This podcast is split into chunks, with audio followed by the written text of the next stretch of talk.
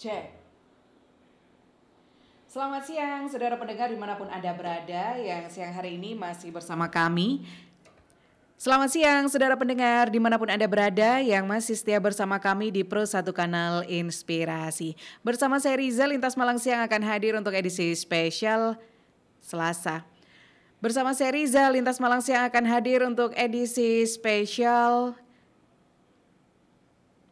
Bersama saya Riza, Lintas Malang Siang akan kami hadirkan. Bersama saya Riza, Lintas Malang Siang akan hadir spesial. Kita akan membahas terkait tentang Malang.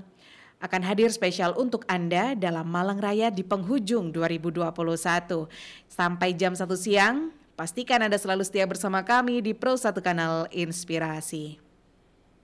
Selamat siang saudara pendengar di mana pun Anda berada masih bersama kami di FM 91,5 MHz Pro 1 Kanal Inspirasi.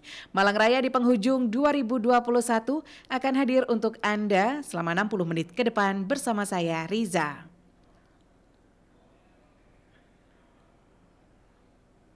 Fenomena lanina. Oke. Okay.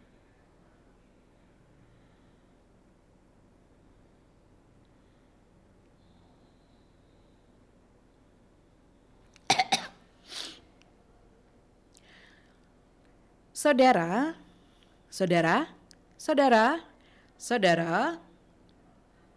Wah, suwe. Loh. Hmm.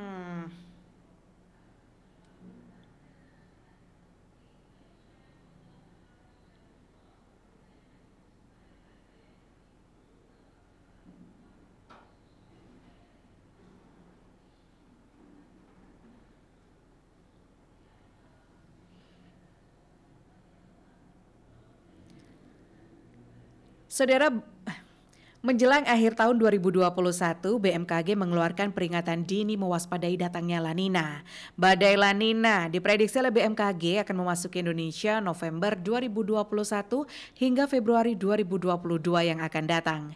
La Nina tahun ini saudara diprediksi relatif sama dan akan berdampak pada peningkatan curah hujan bulanan yang berkisar antara 20 hingga 70 persen di atas normalnya. Lantas apa dampak dari La Nina?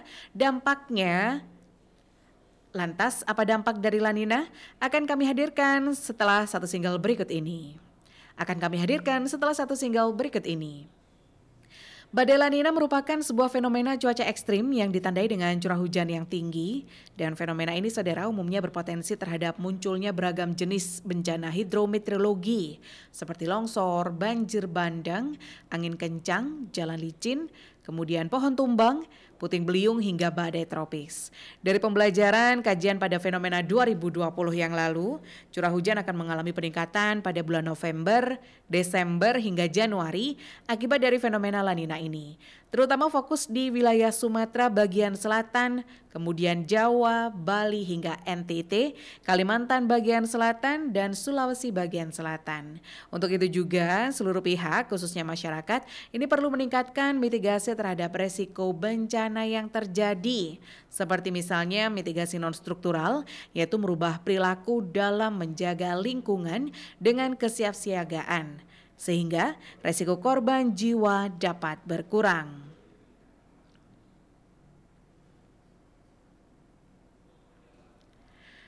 Kol 3 Peringatan kewaspadaan terhadap ancaman La Nina yang telah dirilis oleh BMKG di akhir bulan Oktober memang bukan isapan jempol. Sebuah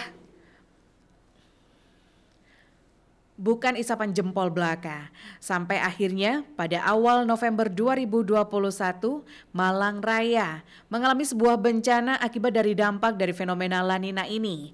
Banjir bandang di Kota Batu dan rusaknya kawasan hutan.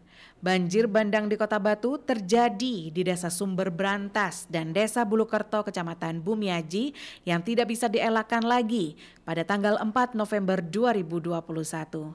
Tidak hanya merusak bangunan dan membuat warga mengungsi, tapi juga merenggut tujuh korban jiwa. Pakar geologi dari Pusat Studi Kebumian Bencana dan Perubahan Iklim Institut Teknologi 10 November Surabaya menyebutkan Institut, Ten Institut Teknologi 10 November Surabaya, Amin Widodo, menyebut perubahan masif di kawasan hulu sungai ataupun lereng Gunung Arjuno ini sudah seharusnya mendapat ini sudah seharusnya dapat dijadikan acuan untuk melakukan pencegahan sebelum bencana terjadi. Terlebih banjir juga sudah pernah terjadi sebelumnya, meski tidak meski tidak berdampak pada kerusakan lingkungan. Banjir bandang di Kota Batu, saudara, gagal diantisipasi karena hutan yang beralih fungsi yang belum direhabilitasi atau ditanami kembali. Bahkan, sebagian besar sudah menjadi pertanian sayur. Selain Gunung Arjuno, pakar ITS ini juga menyoroti kawasan lain yang juga yang juga rawan longsor, mulai dari Gunung Lawu sisi Jawa Timur di Kabupaten Magetan dan Kabupaten Ngawi yang hampir setiap tahun longsor. Lalu sekeliling Gunung Wilis yaitu Kabupaten Nganjuk, Kabupaten Madiun, Kabupaten Ponorogo, Tulungagung dan juga Kediri. Alih fungsi lahan dan fenomena hilangnya kawasan esensial di Kota Batu dianggap menjadi salah satu penyebab terjadinya banjir bandang pada awal November 2021 yang lalu lalu. Sementara itu, Badan Penanggulangan Bencana atau BPBD Kota Batu bersama dengan BPBD Provinsi Jawa Timur sudah mengerahkan sejumlah peralatan berat untuk bisa mempercepat penanganan bencana dan mengevakuasi material yang dibawa oleh banjir. Bahkan, pemerintah provinsi bahkan Gubernur Jawa Timur juga meminta percepatan enggak enggak Kak Kade. Pro, pemerintah Provinsi Jawa Timur juga telah menyiagakan, oh Kak Kade, Kak Kade, Kak Kade. Penel, Penelusuran yang dilakukan oleh Profauna Indonesia di wilayah Malang dan Batu ini menunjukkan fakta adanya alih fungsi hutan di lereng Gunung Arjuno yang menjadi lahan pertanian atau perladangan. Kondisi ini saudara diduga kuat menjadi penyebab utama banjir bandang yang terjadi di Kota Batu. Pendiri dan Ketua Profauna Indonesia Rosek Nur Sahid juga mengatakan bahwa kondisi ini menyebabkan lereng-lereng gunung tidak lagi kuat menahan gempuran hujan. Akibatnya, air membawa serta tanah dan material di atasnya ke bawah atau hilir ketika hujan turun dengan intensitas tinggi. Alih fungsi hutan, saudara yang sudah terjadi bertahun-tahun inilah yang menimbulkan sedimentasi dan pendangkalan sedimentasi dan pendangkalan pada jalur air saat hujan turun di musim-musim sebelumnya. Selain itu, kebakaran hutan yang pernah terjadi di tahun 2019 di hampir sebagian besar lereng Gunung Arjuno juga ikut mempengaruhi terjadinya banjir bandang ini. Lantas, Mario, Mario, oh.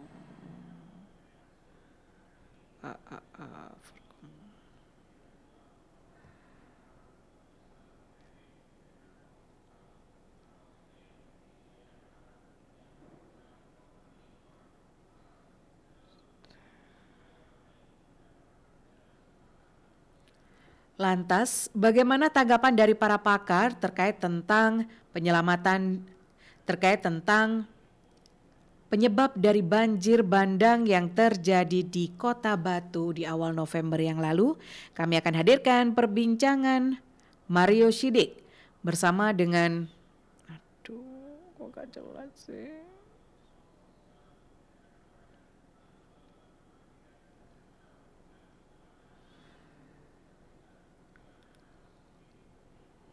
Kami akan hadirkan perban kami akan hadirkan perbincangan Mario Sidik bersama dengan Koordinator Pokja Tata Ruang Perencanaan dan Manajemen Das Mikro Masyarakat Konservasi Konservasi Tanah dan Air Indonesia atau MKTI Jatim dan Direktur Operasional PJT dan Direktur Operasional Perum Jasa Tirta 1 dan Direktur Operasional PJT 1 terkait tentang selamatkan das, cegah potensi banjir susulan. Lantas, bagaimana agar musibah yang serupa tidak kembali terjadi? Kami akan hadirkan perbincangan Mario Sidik terkait selamatkan das cegah potensi banjir susulan berikut ini. Oke. Okay.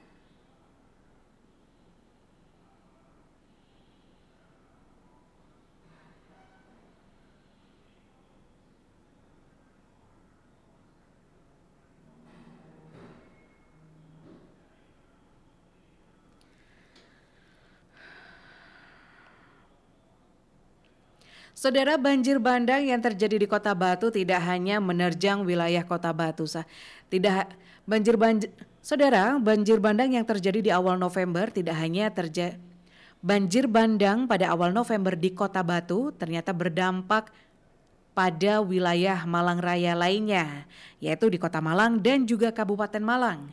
Bahkan untuk wilayah Kota Malang, banjir bandang yang terjadi menerjang tujuh kampung tematik.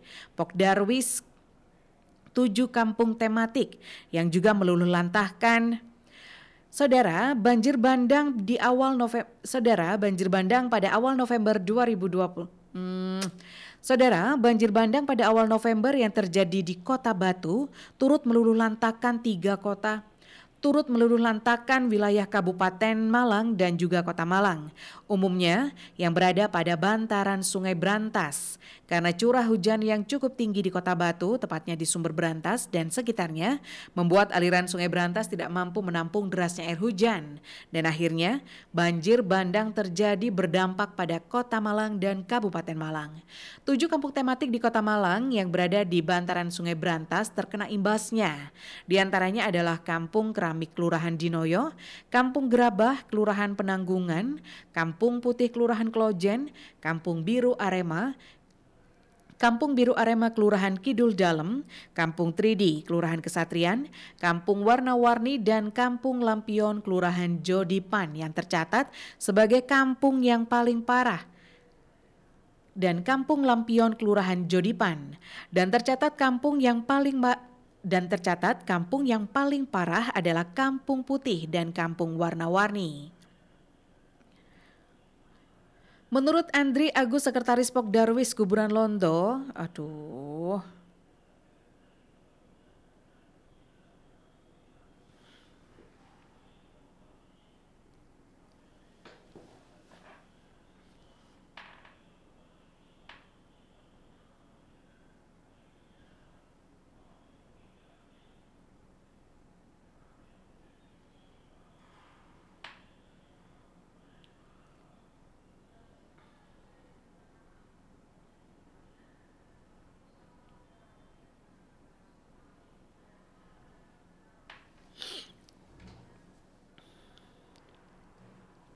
Sebanyak enam titik lokasi di sebanyak enam titik lokasi. Hmm,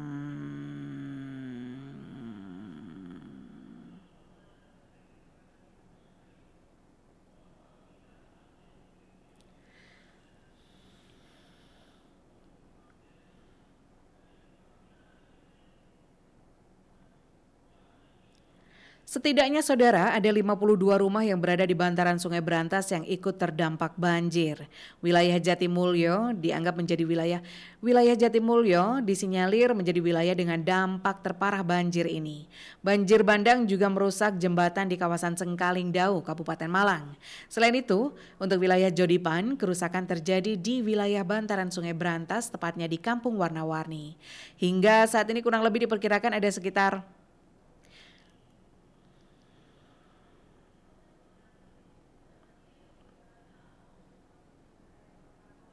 Dan banjir bandang yang melanda kota Batu juga membuat akses dari Kabupaten Malang ke kota Batu menjadi tertutup. Terima kasih Anda masih setia bersama kami di Pro 1 Kanal Inspirasi. Untuk siang hari ini, Malang di penghujung 2021 masih hadir untuk Anda. Dan selanjutnya kami hadirkan informasi terkait tentang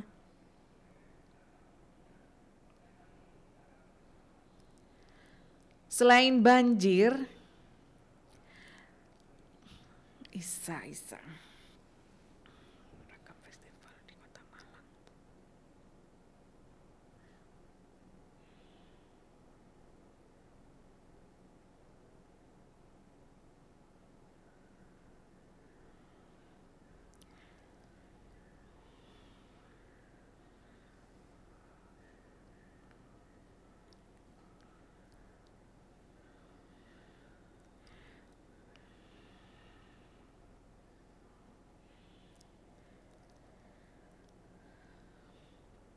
Saudara uh, selanjutnya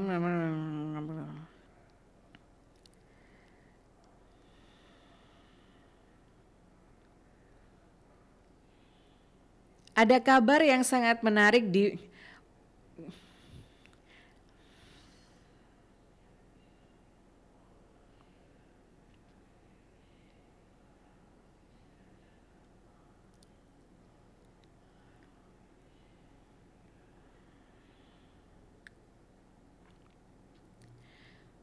Pemberlakuan pembatasan kegiatan masyarakat di Kota Malang masih diperpanjang mati kon level terlalu Malang level.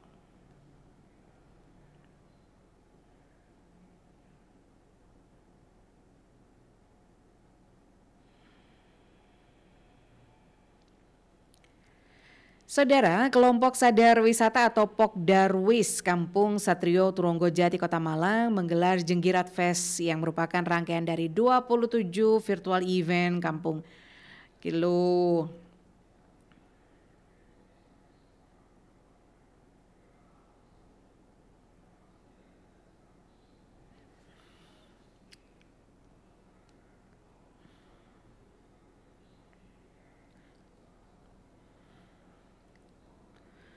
Festival Kampung Tematik Kota Malang sudah di akhir tahun 2021, Kota Malang memiliki gawe yang sangat luar biasa. Salah satunya adalah Festival Kampung Tematik Kota Malang yang sudah dilaksanakan dari bulan Oktober yang menghadirkan promosi 22 kampung tematik di Kota Malang dan menampilkan 27 momen pertunjukan kreatif di tengah situasi pandemi COVID-19. Hingga saat ini, prosesnya sudah berlangsung di ber Prosesnya sudah berlangsung di beberapa kampung tem di beberapa kampung tematik yang ada di wilayah Kota Malang. Nantinya, potensi besar kampung-kampung pada Festival Kampung Tematik disiarkan secara langsung melalui live virtual event sepanjang Oktober hingga November 2021. Kehadiran dari Festival Kampung Tematik ini saudara tidak lepas dari keinginan dari para pegiat Forum Komunikasi Kelompok Sadar Wisata atau Pokdarwis Kota Malang yang tidak ingin berdiam diri.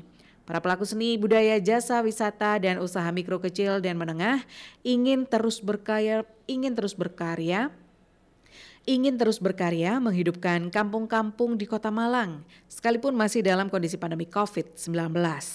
Karena itu, meski sektor pariwisata masih ditutup, geliat kampung sengaja dihadirkan untuk menunjukkan bahwa masyarakat tetap berdaya.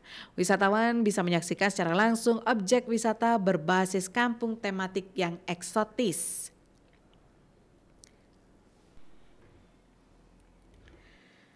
Virtual event festival kampung tematik ini terselenggara atas kolaborasi dari pemerintah Kota Malang melalui Dinas Pemuda Pariwisata dan Olahraga atau Disporapar bersama Forkompok Darwis, dan Pok Darwis Kampung tematik Karang Taruna, masyarakat, dan berbagai komunitas.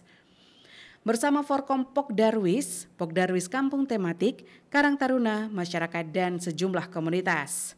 Kepala Disporapar Kota Malang juga menyampaikan terselenggaranya Festival Kampung Tematik ini merupakan komitmen bersama dari insan pariwisata untuk bangkit dan beradaptasi di tengah pandemi.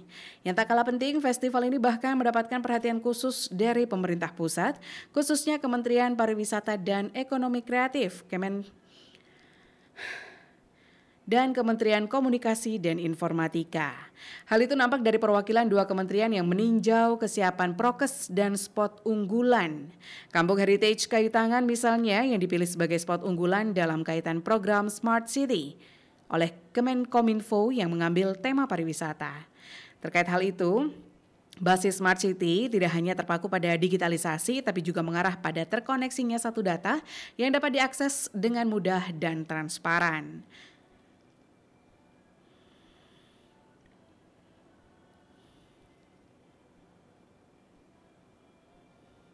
Dukungan akademisi juga ikut berkontribusi dalam kegiatan membangkitkan perekonomian masyarakat.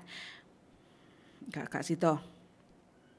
Masyarakat pun bisa menyaksikan secara langsung keunggulan kampung secara daring. Beberapa pagelaran dan festival virtual, di antaranya Festival Batik Polowijen, Gugur Gunung, Kampung 3D, Kampung Terapi Hijau, Kampung Tangguh, Kampung Warna-Warni, Festival Lampion dan Keramik Corner, kemudian Kampung Gelintung, dan Kampung Kayu Tangan. Selain itu juga ada Festival Tempe Sanan, Gribik Religi, Kampung Grabah, Lempeng Agung, Kampung Putih, Parade Jajanan Lawas, Panen Raya Nila, Penawijen Zaman Bien, hingga Festival Topeng Malangan dan Urban Farming yang menjadi daya tarik tersendiri selama masa pandemi COVID-19.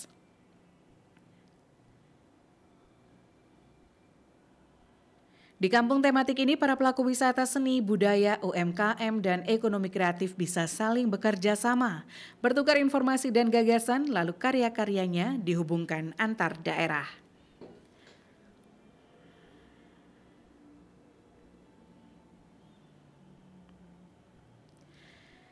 Terima kasih saudara Anda masih setia bersama kami di Pro Satu Kanal Inspirasi. Anda masih Pro satu kanal inspirasi dan kami akan hadirkan informasi lainnya untuk Anda. Jadi dan kami akan hadirkan informasi lainnya untuk Anda. Hmm, terima kasih saudara Anda masih setia bersama kami di Pro satu kanal inspirasi.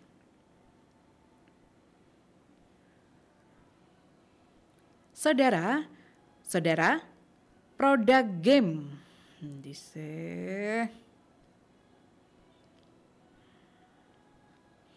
Saudara, produk game atau permainan yang dibuat oleh salah satu perusahaan rintisan atau startup yang ada di wilayah Kota Malang, Jawa Timur memiliki potensi yang sangat besar karena diminta, karena diminati oleh pasar dunia. Startupan hmm, kak kak kak kak kak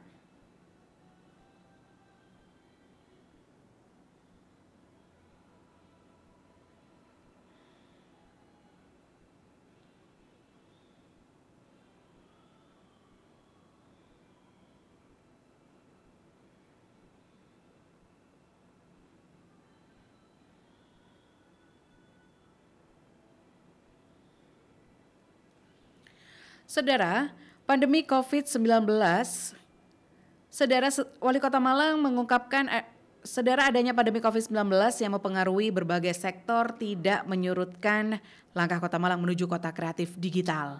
Bahkan adanya pandemi juga ikut memperkuat ekosistem kreatif digital di Kota Malang. Berbagai game dan aplikasi yang dikembangkan oleh warga Kota Malang saat ini mulai banyak disukai oleh pasar dalam negeri hingga luar negeri. 2017 yang lalu, jumlah Jumlah startup di Kota Malang ada 92, kemudian di tahun ini sudah meningkat menjadi 168 komunitas digital yang sebelumnya ada 10 di tahun 2017. Dan kemudian di tahun 2021 sudah meningkat menjadi 168. Komunitas digital yang sebelumnya hanya ada 10 di tahun 2017 pun meningkat menjadi 22 komunitas. Jumlah co-working space juga meningkat dari 5 menjadi 22. Dalam mendukung pengembangan ekonomi kreatif, pemerintah Kota Malang juga mengembangkan Malang Creative Center yang menjadi realisasi komitmen infrastruktur ekonomi kreatif dan selain itu juga komunitas ekonomi kreatif dan perguruan tinggi juga berkontribusi membuat kurikulum tentang ekonomi kreatif. Lantas, bagaimana perkembangan startup di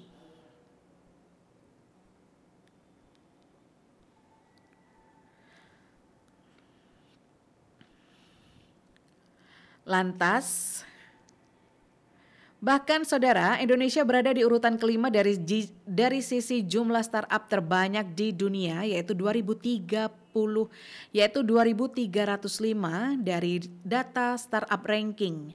Sementara unicorn di tanah air juga bertambah dari 4 menjadi 8. Dari data startup ranking, negara dengan startup paling banyak di dunia yaitu Amerika Serikat. Oh, menjadi delapan wes yo. Lantas bagaimana perkembangan, lantas bagaimana potensi perkembangan ekosistem digital startup di Kota Malang? Kami saya akan hadirkan perbincangan bersama peneliti senior Pusat Penelitian Kebijakan Ekonomi FEBUB. Beliau juga dosen Politeknik Negeri Malang, Dr. Aang Effendi SEMM berikut ini. Terima kasih Anda masih